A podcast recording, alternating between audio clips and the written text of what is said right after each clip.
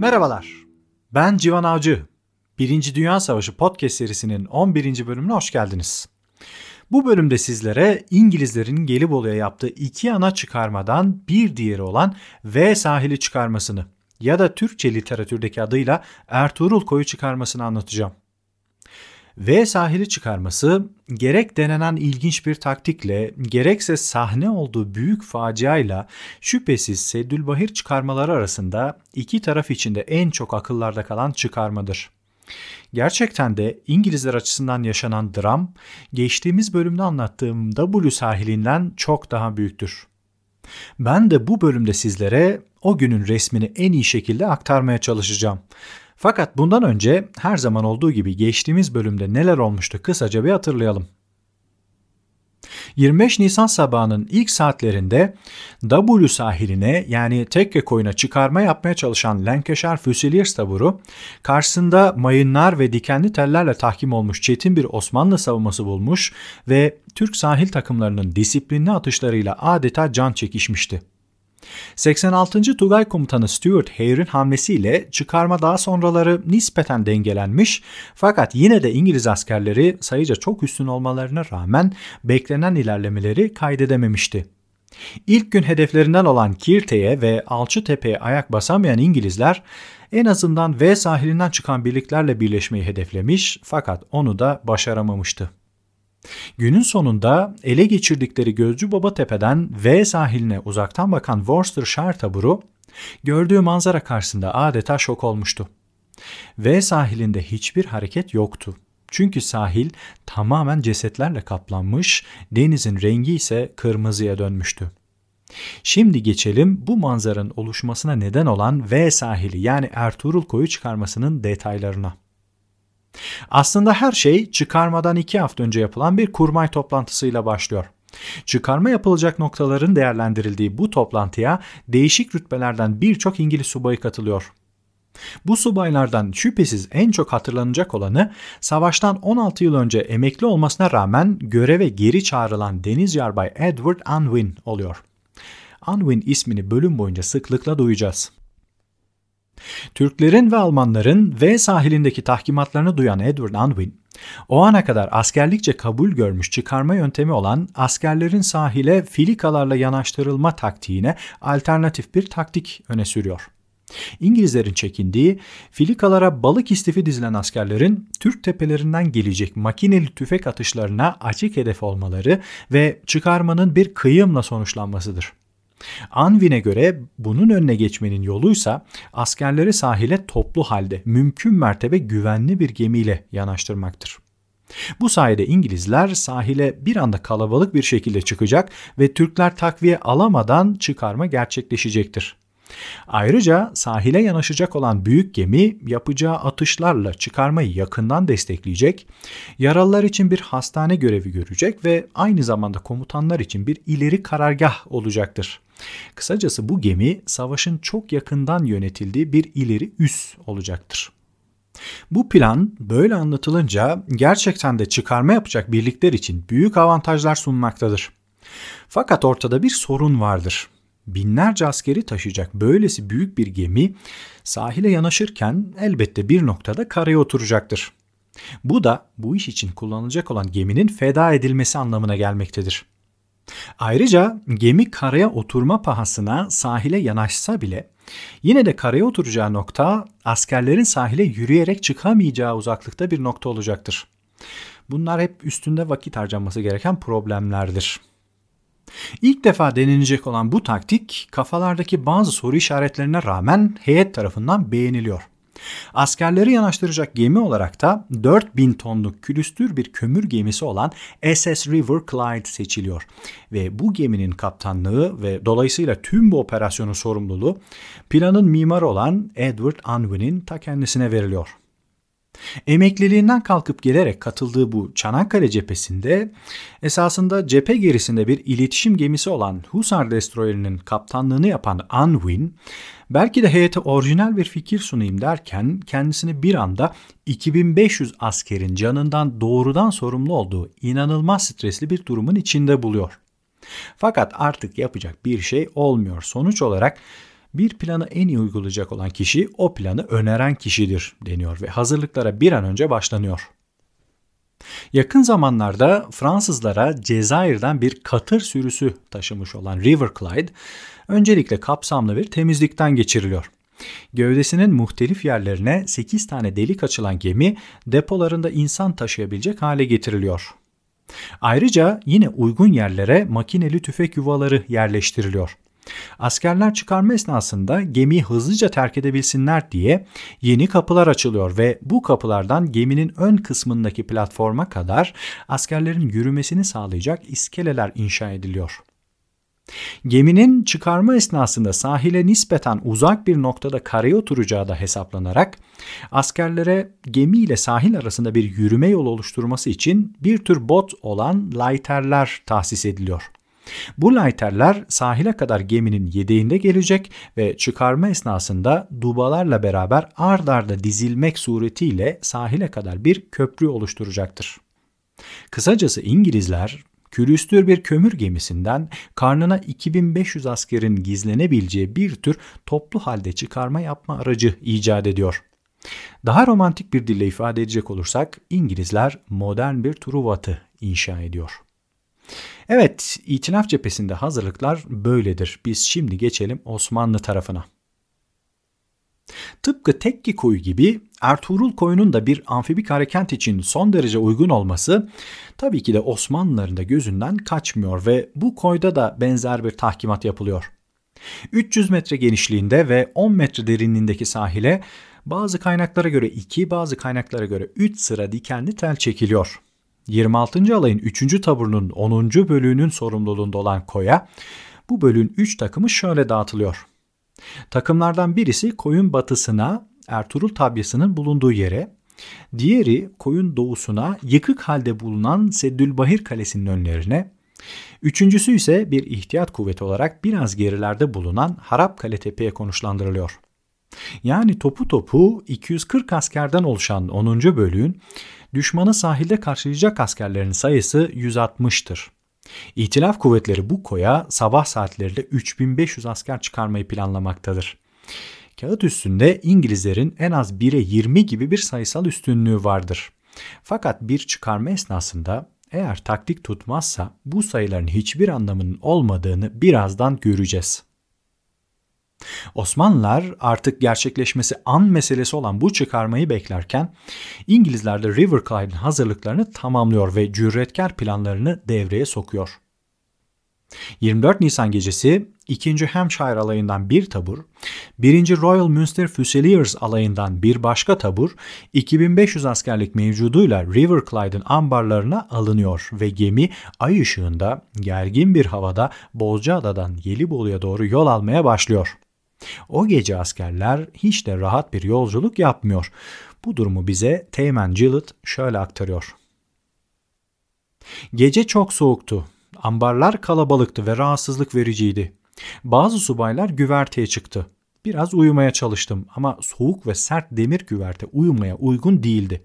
Makine dairesinin yakınında korunaklı sıcak bir yer buldum. Ama tam uykuya dalacakken ağır bir postal yüzüme indi makine dairesinin kapı aralığında yattığımı fark etmemiştim. Teğmen Reginald Gillett 2. Hampshire alayı 88. Tugay 29. Tümen. Anlaşılan o ki iki haftalık çalışmaya rağmen kömür gemisinin standartları insani boyutlara ulaşamamıştır. Fakat bunun üst kademe için bir önemi yoktur. Ne de olsa askerler sabahın ilk ışıklarıyla bu gemiyi terk edecekler. Donanma ateşinin dümdüz edeceği V sahiline rahat bir çıkarma yapacaklar ve Orgeneral Sir Ian Hamilton'ın da tabiriyle Türkleri yola getireceklerdir. Plana göre saat 5.00'da büyük bir bombardıman başlayacak ve yarım saat sürecek bombardımanın ardından saat 5.30'da 2500 askeri taşıyan River Clyde koyun doğu kesiminde karaya oturacaktır. Buna ek olarak 1000 askerli Royal Dublin Fusiliers taburu da filikalarla koyun batı kesimine yanaşacak ve İngiliz ordusu toplamda 3500 askerle aynı anda karaya çıkacaktır. En azından plan bu yöndedir. Biz şimdi gidelim çıkarma sabahında neler olduğuna. Sükunet sabah saat 5'te kraliyet donanmasının açtığı topçu ateşiyle bozuluyor. Ertuğrul koyunu doğal bir amfiteyatro gibi çevreleyen yamaçlara ve Seddülbahir köyüne Türk kaynaklarına göre yarım saatte tam 4649 mermi atılıyor. Bu sayı 18 Mart'ta Türk topçularının 7 saat süren muharebe boyunca attığı top mermisi sayısının iki katıdır. Bu yoğun bombardıman karşısında İngilizler bile hayretlerini gizleyememiştir. O esnada Agamemnon zırhlısında bulunan deniz teğmen Herbert Williams şöyle anlatıyor. Seddülbahir ve civarı top ateşine tutuldu. Yarı aydınlıkta patlayan top mermileri ve yanan evlerin parıltısı her şeye kırmızımsı bir renk atıyordu. Böyle bir cehennemde herhangi bir şeyin sağ kalabilmesi imkansız gibiydi. Tel engeller, evler, toprak parçaları her şey havaya uçuyordu. Olağanüstü bir görüntüydü. Bütün bunların üzerinde görkemli bir güneş doğdu ve korkunç yıkımı görünce dilim tutuldu. Kasaba adeta yoktu. Daha önce de yıkılmış kasabalar görmüştüm ama burada ayakta duran tek bir duvar bile yoktu. Uygulanan bu ağır bombardımanla Seddülbahir köyü gerçek anlamda yerle bir olurken mevzilerdeki cılız Türk birlikleri de çok zor anlar yaşıyor. O anları Tekke ve Ertuğrul koylarının savunmasından sorumlu 3. Tabur Komutanı Binbaşı Mahmut Sabri hatıratında şöyle anlatıyor. Düşmanın bombardımanı hakkında bir fikir edinmek üzere sahili görmek için Harapkale tepesine gidildi. Düşmanın gemi toplarının büyük kısmı sahilde bulunan avcı hendeklerini dövmekte olduğundan sahil yükselen siyah, mavimsi ve yeşilimsi dumanlarla kaplıydı. Bu dumanlardan dolayı bir şey görülemiyordu. Mıntıka donanmanın açtığı ateşle kıyaslanamaz derecede dar bir alandı. Birçok mermi yan yana düşüyor, birçok şarapnel birbiri ardı sıra patlıyordu. Ateş güneyden ve batıdan makasvari geliyordu. Sonra kuzey-batıdan da gelmeye başladı. O sırada 37 milimetrelik iki topumuz tahrip edildiği gibi birçok avcı ve irtibat hendeği dümdüz oldu. Hayatları korumak için kazılan avcı hendeklerinin bir kısmı mezar vazifesi gördü. Binbaşı Mahmut Sabri 3. Tabur 26. Alay 9. Tümen İngiltere'den gelen mermilerinizi tasarruflu kullanın uyarılarına rağmen çünkü İngiliz ordusu o esnada Batı cephesinde bir mermi krizine girmiştir. İtilaf donanmasının uyguladığı bu ağır bombardıman artık Birinci Dünya Savaşı için klasikleşmeye başlayan bir durumdur. Burada dar bir alana atılan ve sayıları binlerle ifade edilen top mermileri kısa bir süre sonra özellikle batı cephesinde on binler hatta yüz binlerle ifade edilecektir. Bu konulara ilerleyen bölümlerde hep geleceğim. Evet, V sahilindeki bombardımanla beraber River Clyde'ın da hedefine doğru sorunsuzca ilerlediğini ve Türk gözcülerinin bu garip geminin ne olduğunu anlamadıklarını göz önünde bulundurursak İngilizler için her şeyin yolunda gittiğini söyleyebiliriz. Fakat ilk aksilik de tam da bu anlarda daha çıkarma başlamadan hemen önce yaşanıyor. River Clyde'la eş zamanlı olarak sahile yanaşması beklenen Royal Dublin Fusiliers taburunun filikaları etrafta görünmüyor.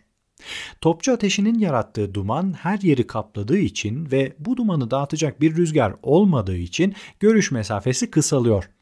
River Clyde kaptanı Unwin yakınlardan geçen bir savaş gemisinin mürettebatına Dublinlilerin nerede olduklarını soruyor ve aldığı cevap bilmiyoruz ama siz devam edin oluyor. Aldığı bu son derece açıklayıcı cevaptan sonra Unwin Royal Dublin Fusiliers Birliği'ni beklemeden karaya oturmak istiyor. Fakat çıkarmayı yapacak komutanlar araya girerek bunun bir felakete yol açabileceğini dile getiriyor ve Unwin denizde biraz daha oyalanmaya ikna ediliyor. Fakat bu kalabalık denizde oyalanmaya çalışmak özellikle böylesi hantal ve yedeğinde bir sürü küçük bot çeken bir gemi için pek kolay olmuyor. Unwin elinden geldiğince zaman kazanmaya çalışırken tamamen doğaçlama bir hamleyle gemisine bir daire çizdiriyor. Hatta bunu yaparak diğer donanma gemileriyle çarpışma riskinin oluştuğu bir badire de atlatıyor. Yaklaşık 40-50 dakika bu şekilde oyalandıktan sonra Unwin, Dublinlilerin filikalarını hala görememesine rağmen ya şimdi ya hiçbir zaman diyerek saat 6.22'de V sahilinin 80 metre açığında karaya oturuyor. İlginçtir ki ondan 2 dakika sonra da Dublinliler beliriyor ve her biri 36 asker taşıyan filikalar kıyıya yavaşça yanaşıyor. River Clyde farkında olmadan filikalarla senkronu tutturmuş oluyor fakat bu işlerin iyi gideceği anlamına gelmiyor. Saat 6.25'te filikalar sahile iyice yanaşınca şimdiye kadar suskunluğunu korumuş olan Türk sahil takımlarından cehennem gibi bir ateş açılıyor. Bombardımandan hemen sonra yapılması planlanan çıkarma yaklaşık bir saat gecikince Türkler toparlanma fırsatı buluyor. Kaldı ki kocaman bir kömür gemisinin karaya oturması dikkatleri bu yöne çekmiş ve herkesi alarma geçirmiş oluyor. Piyadeler daha önceden provası yapılmış disiplinli atışlarıyla Royal Dublin Fusiliers askerlerini daha karaya çıkamadan vurmaya başlıyor. O anları filikalardan birinde olan Teğmen Cuthbert Moffat şöyle anlatıyor. Makineli tüfeklerle ve mermilerinde yakıcı bir karışım bulunan pompom toplarıyla üzerimize korkunç bir ateş açtılar. İçinde bulunduğum botu aralıksız vurmaya başladılar ve kıyıya doğru kürek çekerken adamlarımdan birçoğunu öldürdüler. Kürek çeken Bahriyelilerden birçoğunu kaybedecek kadar da şanssızlık. Askerler onların küreklerini devralmak zorunda kaldılar ve kürek çekmeyi fazla bilmedikleri için sonunda sahile yanlamasına ulaştık. Haliyle de düşmana daha kolay bir hedef olduk. Karaya oturmadan hemen önce bot yangın çıkarıcı mermilerle bir iki kez vuruldu ve yanmaya başladı. Açılan deliklerden yarısına kadar suyla doldu. Yaralanan askerlerin çoğu botun dibine düştü ve orada ya boğuldu ya da üzerine düşen diğer yaralıların altında nefessiz kaldı. Birçoğu da acı içinde yanarak öldü. Teğmen Cuthbert Moffat, Royal Dublin Fusiliers taburu 86. Tugay 29. Tümen Tıpkı geçen bölümde anlattığım W sahilindeki Lancashire Fusiliers askerleri gibi Royal Dublin Fusiliers askerlerinin de akıbetleri pek feci oluyor. Askerlerin pompom toplarıyla üzerimize ateş açtılar dediği Maxim Nordenfeld marka küçük toplar attıkları Alman yapımı alevli mermilerle filikaları tahrip ederek yangın çıkmasına sebep oluyor. Bu silahların varlığından Türk kaynakları da bahseder fakat makineli tüfek hususu hala tartışmalıdır. Makineli tüfek ateşi esas River Clyde'dan Türk mevzilerine doğru açılmıştır. İngiliz askerlerin sesleri karıştırarak makineli tüfek ateşine maruz kaldıklarını düşünmesi de genellikle bu duruma bağlanır. Dinlemiş olduğum bazı yabancı podcastler bunu inkar eder. Fakat ben size Türk tarihçilerinin ve dünya çapında Gelibolu uzmanı olarak nam salmış İngiliz tarihçi Peter Hart'ın düşüncelerini aktarıyorum. İster makineli tüfek, ister normal piyade tüfeği olsun, iki Türk takımının hedef şaşmayan atışlarından kurtulabilen Dublinli asker sayısı çok az oluyor. Öyle ki etrafta başıboş sürüklenen filikalar görülmeye başlanıyor. Henüz sahile ayak basamadan tamamı oldukları yerde vurulmuş askerlerin ölü bedenleriyle dolu başıboş sürüklenen filikalar. Türkler komutanların da yönlendirmeleriyle filikalarla adeta teker teker ilgileniyor. En yakınından en uzağına doğru ateş yoğunluğu bir bir kaydırılırken önlerindeki arkadaşlarının vurulduğunu gören Dublinliler çareyi denize atlamakta buluyor. Fakat bu sefer de sırtlarındaki ağır teçhizatla dibe çekilen askerler boğulmaya başlıyor. Kısacası vurularak, yanarak veya boğularak can veren askerler daha V sahiline varamadan katliama uğruyor. Bizse zaten bu katliamdan sağ olarak kurtulabilen az sayıda askerin anlattıklarını dinleyebiliyoruz. O askerlerden bir tanesi de Er Robert Martin'dir. Botumda 25 kişi vardı ve geriye sadece üçümüz kaldık. Zavallı ahbaplarımın iniltisini duymak ve botlarda ölenleri görmek üzücüydü. Suda ölmüş zavallı çocukların görüntüsü korkunçtu. Bazıları kumsalda yardım için haykırıyordu. Ama onlar için bir şey yapamıyorduk. Birisinin hayır duası bana yaramış olmalı. Çünkü nasıl kurtulduğumu bilmiyorum. Gece gel git oldu ve kıyıda yaralı yatanların hepsi boğuldu. Kumsalda bir başıma kaldım. Hareket ettiğimi görür görmez ateş edecekleri için mecburen 3 saat kadar suda kaldım. Her dakika hayatımın bittiğini düşündüm. Er Robert Martin, Royal Dublin Fusiliers taburu 86. Tugay 29. Tümen Sahil kısa bir süre içinde bir ceset yığınına dönüşürken denizin rengi de kırmızıya dönüyor. Sağ kalan az sayıdaki Dublinliler şanslarına kumsalda buldukları 1,5 metre yüksekliğindeki bir kum tepesinin arkasına yatarak hareketsiz bir şekilde çaresizce bekliyor. Ertuğrul koyundaki kumsalda bugün bile hala duran o küçük doğal siper şanslı birkaç askerin hayatını bağışlıyor. Fakat felç olmuş gibi yatan askerlerin en ufak bir hareketi üzerlerine kurşun yağmasına neden oluyor.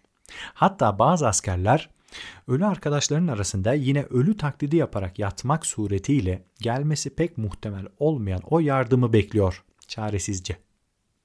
Karaya çıkmaya çalışan her yeni dalga asker Türk nişancılarını tekrardan harekete geçirdiğinden sahilde hareketsiz yatan askerler bu yeni gelenlere lanet okuyor. Bütün bu olaylar olurken River Clyde'da beklemede olan askerler adeta dehşete kapılıyor.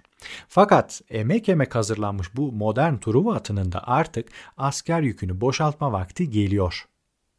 Bu iş için öncelikle daha önce de belirttiğim gibi layterler ve dubalarla gemiden sahile kadar bir iskele kurulması gerekiyor. Fakat bu işten sorumlu teknenin Yunan tayfaları kendilerini böyle bir cehennemde bulacaklarını bilmedikleri için doğal olarak yan çiziyor ve iskele istendiği gibi kurulamıyor. Bunun üzerine planının yavaş yavaş bir felakete dönüştüğünü gören Yarbay Anwin, çareyi bizzat devreye girmekte buluyor. 51 yaşına rağmen gemisinden inerek botlardan atlaya atlaya kıyıya ulaşan Anwin, halatları yakalayıp lighterlerin sürüklenmesini engelliyor. Fakat halatları kıyıda bağlayabileceği bir yer bulamayınca halatı kendisi tutarak askerlere River Clyde'ı terk etmelerini söylüyor. Bu şekilde halatları tutarak kendinden geçinceye kadar dayanan yarbay sonrasında baygınlık geçirince battaniyelere sarılarak gemiye geri taşınıyor. Fakat Anwin kendine gelir gelmez sahile geri dönüyor ve halatları tutmaya devam ediyor. Anwin'in o gün bu hareketini 3 defa tekrarladığı hatta bir keresinde 7 yaralıyı gemiye geri taşıdığı söylenir. Planı fiyaskoyla sonuçlanmış olmasına rağmen bu üstün cesaret ve özveri gerektiren davranışlarından ötürü Anwin'e Victoria Haçı layık görülüyor. Evet, dönelim çıkarmaya. River Clyde güç bela da olsa 2500 askerlik yükünü sahile indirmeye hazır hale getiriliyor. Fakat askerlerdeki endişe de gözlerden kaçmıyor. Sonuçta plana göre sahil nispeten güvence altına alındıktan sonra River Clyde tahliye edilecektir. Fakat sahil güvenli olmaktan o kadar uzaktır ki yine de yapacak bir şey yoktur. Gemi ne olursa olsun terk edilmek zorundadır. Askerler komutanların emriyle geminin kapıları önünde sıraya geçiyor ve kendilerini bekleyen cehennem için geri sayım başlıyor. Bu esnada açıkçası Türkler de çok kolay zamanlar geçirmiyor. River Clyde'dan sürekli makineli tüfek atışı yapılırken donanma da bu ateşe uzaktan destek veriyor. Gemilerden gelen top mermileri siperlere isabet edince bu Türkler için öldürücü oluyor. Fakat subayların şehit olmasıyla bölüğün komutasını eline alan ve ismini bir yerlerden duymuş olduğunuzu düşündüğü Ezineli Yahya Çavuş askerlerine bir nebze bile geri adım attırmıyor. Donanma toplarıyla verilen zayiatlar kimseyi yıldırmıyor. Bir süredir karaya oturmuş vaziyette bekleyen River Clyde içinde çanlar çalıyor ve Türklerin merak ettiği bu garip görünümlü geminin kapıları açılıyor. İngilizler kapılardan tek sıra halinde çıkmaya çalışırken Türkler de göz açtırmıyor. Askerlerin çoğu daha kapıdan çıkar çıkmaz yere seriliyor. Bu görüntü sırası gelen askerlerin moralini bozmasın diye komutanlar sürekli yüreklendirici sözler söylüyor. Kapıdan bir şekilde vurulmadan çıkabilmiş olanların çoğu da sahile doğru köprü görevi gören lighterlerde vuruluyor. Bu şekilde o sabah gemiyi terk etmeye çalışan 10 askerin 9'unun vurulduğu söylenir. River Clyde'ın soğuk ama güvenli depolarından güneşli, sıcak fakat ölüm saçan o açık havaya çıkan askerleri yüzbaşı Guy Geddes şöyle anlatıyor. İyice anladık. Arkamda adamlar peş peşe vurulup düştü. Ama asla duraksamadılar. Beş yerinden yaralanarak iskele tahtasında yatan Teğmen Watts, yüzbaşıyı izleyin naralarıyla askerleri yüreklendiriyordu. Dublinlilerden yüzbaşı French beni izleyen 48 kişi saydığını fakat hepsinin vurulduğunu söyledi. İnsan cesaretinin ve disiplininin River Clyde'ın güvenliğini terk edip ölüme gitmekten daha iyi bir örneğinin bulunabileceğini sanmıyorum. Tahta iskeleden aşağı koştum ve Z bölüğünün öncü takımlarından ölü ve yaralıların bulunduğu layterleri gördüm. İkinci laytere çıkıp etrafa baktım ve yalnız olduğumu anladım. Yüzbaşı Guy Gedes, Royal Munster Fusiliers taburu, 86. Tugay, 29. Tümen. Bu sözlerin sahibi Yüzbaşı Gedes, şans eseri hayatta kalabilmiş birkaç askerin de yanına alarak ateş eden Türk siperlerin arkasına dolanmak için umutsuzca bir harekete girişiyor. Şayet Türk takımları arkadan çevrilir ve geri çekilmeye zorlanırsa bu katliam son bulacaktır. Fakat Gedes daha hamlesinin başında omzundan vuruluyor. Gözü açık bir asker olan Yahya Çavuş, mıntıkasındaki her düşman girişimini bertaraf ediyor ve İngilizlere adeta göz açtırmıyor. Çünkü biliyor ki bir anlık dalgınlık, İngilizler tarafından sarılmak, belki de esir düşmek ve binlerce düşman askerinin karaya çıkışını izlemek anlamına geliyor. Tabur komutanı binbaşı Mahmut Sabri, Ezineli Yahya Çavuş'un o günkü kahramanlığından şöyle bahsediyor. Ertuğrul koyunun batı yönüne yerleşen ve koyu yandan gören 5 manga askerimizle başındaki 10. bölük ikmal efradından Ezineli Yahya Çavuş'un cesareti ve kahramanlığı sayesinde mevzu bahis sahil boydan boya düşman cesetleriyle dolmuştu. Yahya Çavuş kahraman olduğu kadar sebat ve metaneti mahiyetinde icrai nüfuzu sayesinde askerleriyle birlikte sayısız ve dehşetli bombardımana karşı akşama kadar büyük bir direngenlikle düşmanın yüzlerce askerini öldürdü. Binbaşı Mahmut Sabri 3. Tabur 26. Alay 9. Tümen Yahya Çavuş ve askerlerinin bu direngenliği karşısında İngilizler umutsuzluğa kapılmış olacaklar ki River Clyde'da tabiri caizse mahsur kalan Yarbay Williams saat 9'a doğru günlüğüne şöyle yazıyor. Korkarım bugün karaya çıkamayacağız. Gerçekten de İngilizler çıkarma faaliyetlerini durduruyor. Haliyle Türkler de ateşi kesiyor ve V sahili bir süreliğine sakinleşiyor. Fakat bu sakinlik bir süre sonra River Clyde'deki komutanlarda belki de yeni bir girişimin mümkün olabileceğini düşündürtüyor. Türkler belki de donanma ateşinde mahvolmuştur ya da belki de cephaneleri bitmiştir diye düşünülerek saat 9.30'da geminin kapıları bir kez daha açılıyor. İngilizlerin varsayımlarında feci bir şekilde yanıldıklarını anlamaları sadece 1-2 dakika sürüyor. Bu sefer River Clyde'da bekletilen Hampshire'lı askerler daha köprüye bile ulaşamadan yere seriliyor. Bu nafile girişim gemiden sahile uzanan cılız köprünün de bir süre sonra kopmasıyla durduruluyor. Kısacası İngilizler karaya ayak basmak şöyle dursun daha 80 metre ötede karaya oturmuş gemilerinden bile dışarı çıkamıyor. Durumu değerlendiren Royal Munster Fusiliers taburu Yarbay Henry Tizard, çıkarmanın gece karanlığına ertelenmesini öneriyor ve bu önerisi mecburen kabul ediliyor. Fakat tam da bu sıralarda filikalarla karaya çıkmak için yanaşmakta olan Royal Dublin Fusiliers taburunun ikinci dalgası görünüyor. Hatta filikalardan birinde 88. Tugay Komutanı Tu General Henry Napier da bulunuyor. Görünen o ki Napier'ın yaşanan faciadan ve River Clyde'da alınan erteleme kararından haberi yoktur. Tu General River Clyde'daki askerler tarafından bağırış çağırış uyarılmaya çalışılıyor. Efendim karaya çıkmanız mümkün değildir. Napier'ın cevabı ise orijinal dilinde şöyle oluyor. I'll have a damn good try. Yani en azından denemiş olurum. Fakat bu sözler 53 yaşındaki Napier'ın kayda geçen son sözleri oluyor. Tu General filikasından layterlere atlamaya çalışırken vuruluyor ve denize düşen bedeni bir daha bulunamıyor. Yahya Çavuş'un ve mahiyetindeki bir avuç askerin tam bir baş belası olduğunu gören İngiliz donanması ikindiye doğru ağır bir bombardımana başlayarak Türk siperlerini bu sefer dümdüz ediyor. Fakat son derece atik ve askerlerine hakim olan Yahya Çavuş bu badireyi de atlatıyor ve koyun batısındaki Aytepe'nin tehlikede olduğunu duymasıyla o tarafa yardıma koşuyor. Aytepe'nin düşmesi durumunda Düşman o sıralarda bir nebze rahata kavuşmuş olan W sahilinden V sahiline doğru yürüyecek ve sahili işgal ederek sabahtan beri sahilde ve River Clyde'da hapsolmuş yüzlerce askerini kurtarma fırsatı yakalayacaktır. W sahilinden durmadan takviye alan İngilizler geçtiğimiz bölümde de anlattığım gibi Aytepe'yi düşürüyor. Fakat buna rağmen Türkler Gözcü Baba Tepe'ye geri çekilerek yine de geçit vermiyor ve V sahilindeki İngiliz dramı devam ediyor. İhtiyatta tuttukları 50 sandık cephane ile birlikte saatlerce mükemmel bir savunma yapmış olan Yahya Çavuş ve askerleri bir yandan donanma ateşi yerken bir yandan da Gözcü Baba Tepe'ye kadar ilerlemiş Worcestershire taburunun kurduğu makineli tüfeklerle ağır zayiatlar vermeye başlayınca bölgeye takviye olarak 11. bölük gönderiliyor.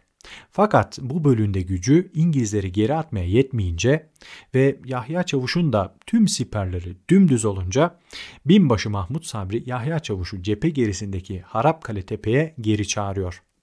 Zaten Morto koyuna da bir çıkarma yapmış olan İngilizlerin V sahilindeki Türk birliklerini arkadan kuşatma riski doğduğundan birlikler akşam vakti yavaş yavaş geri alınıyor.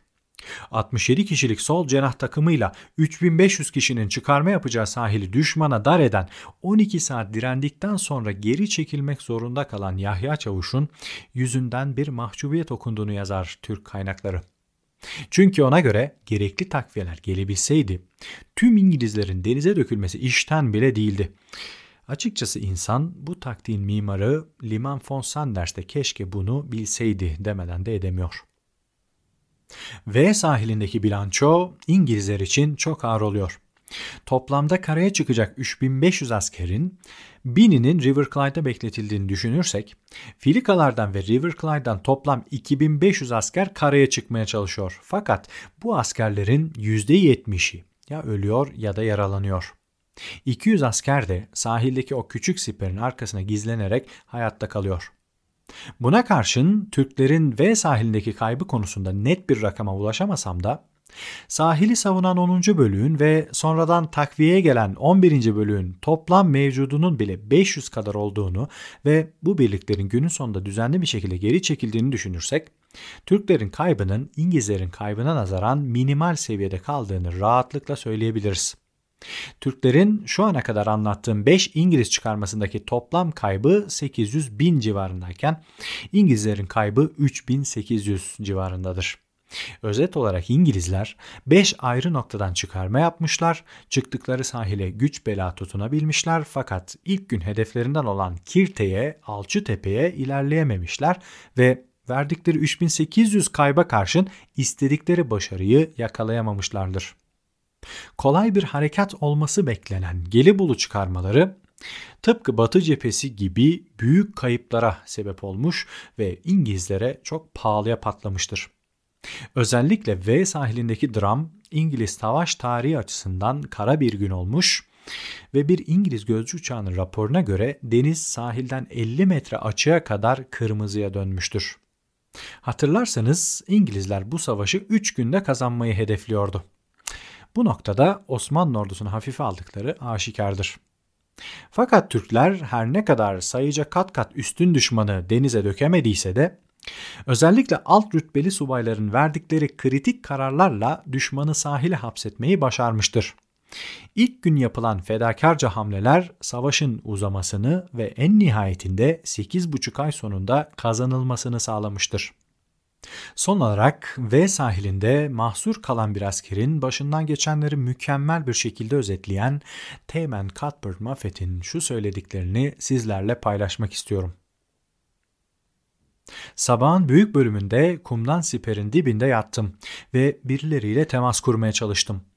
Hemen sonra Seddülbahir'deki tabiye doğru süründüm ve orada yüzbaşı French'i buldum. Bir kurşunla bileğinden vurulmuş ve kol saatinin parçaları vücuduna saplanmıştı. Bir süre onunla sütrenin dibinde kaldım. Sonra adamlarımı toplayabilir miyim diye kumsalın soluna gittim. Ama bulduklarımın hepsi ya ölü ya da yaralıydı. Fenerin altındaki kısımda neredeyse tamamı suya batmış bir bot buldum. İçinde Teğmen Corbett'in komuta ettiği makineli tüfekçilerimizden bazıları vardı. Görebildiğim kadarıyla hepsi ölmüştü ve makineli tüfekler işe yaramaz durumdaydı. Tekrar yüzbaşı French'in bulunduğu yere gittim. Öğleden sonranın geri kalan kısmını sütrenin altında onunla birlikte geçirdim. Yanımızda cep periskopu olan bir adam vardı. Türklerin bize doğru inip inmediklerini görmek için periskopu arada bir sütrenin tepesine koyduk ama o tarafta hiçbir hareket yoktu. Yiyeceğimiz ve suyumuz yoktu. Deniz suyu hepsini yok etmişti. Kumsala ölüler saçılmıştı ve aramızda çok az sağlam adam vardı. Biri zamanı durdurmalıydı. Teğmen Cuthbert Moffat, Royal Dublin Fusiliers taburu 86. Tugay 29. Tümen. İngilizler V sahilinde ancak gecenin geç saatlerinde rahat bir nefes alabilmişler ve ertesi sabah toparlanmaya çalışıp Türklerin terk ettikleri mevzilere doğru ilerlemeye başlamışlardır. Bundan sonra savaş Kirte önlerinde, Zığındere'de, Anafartalar'da klasik bir siper muharebesine dönüşecektir. Fakat bu muharebeler ilerleyen bölümlerin konusudur. Gelecek bölümde Boğaz'ın Anadolu yakasına yapılan ve kısa süre içerisinde bir sokak çatışmasına dönüşen Fransızların Kumkale çıkarmasını anlatacağım. Umarım bu bölümden de keyif almışsınızdır. Dinlediğiniz için çok teşekkür ederim. Bir sonraki bölümde görüşmek üzere. Hoşçakalın.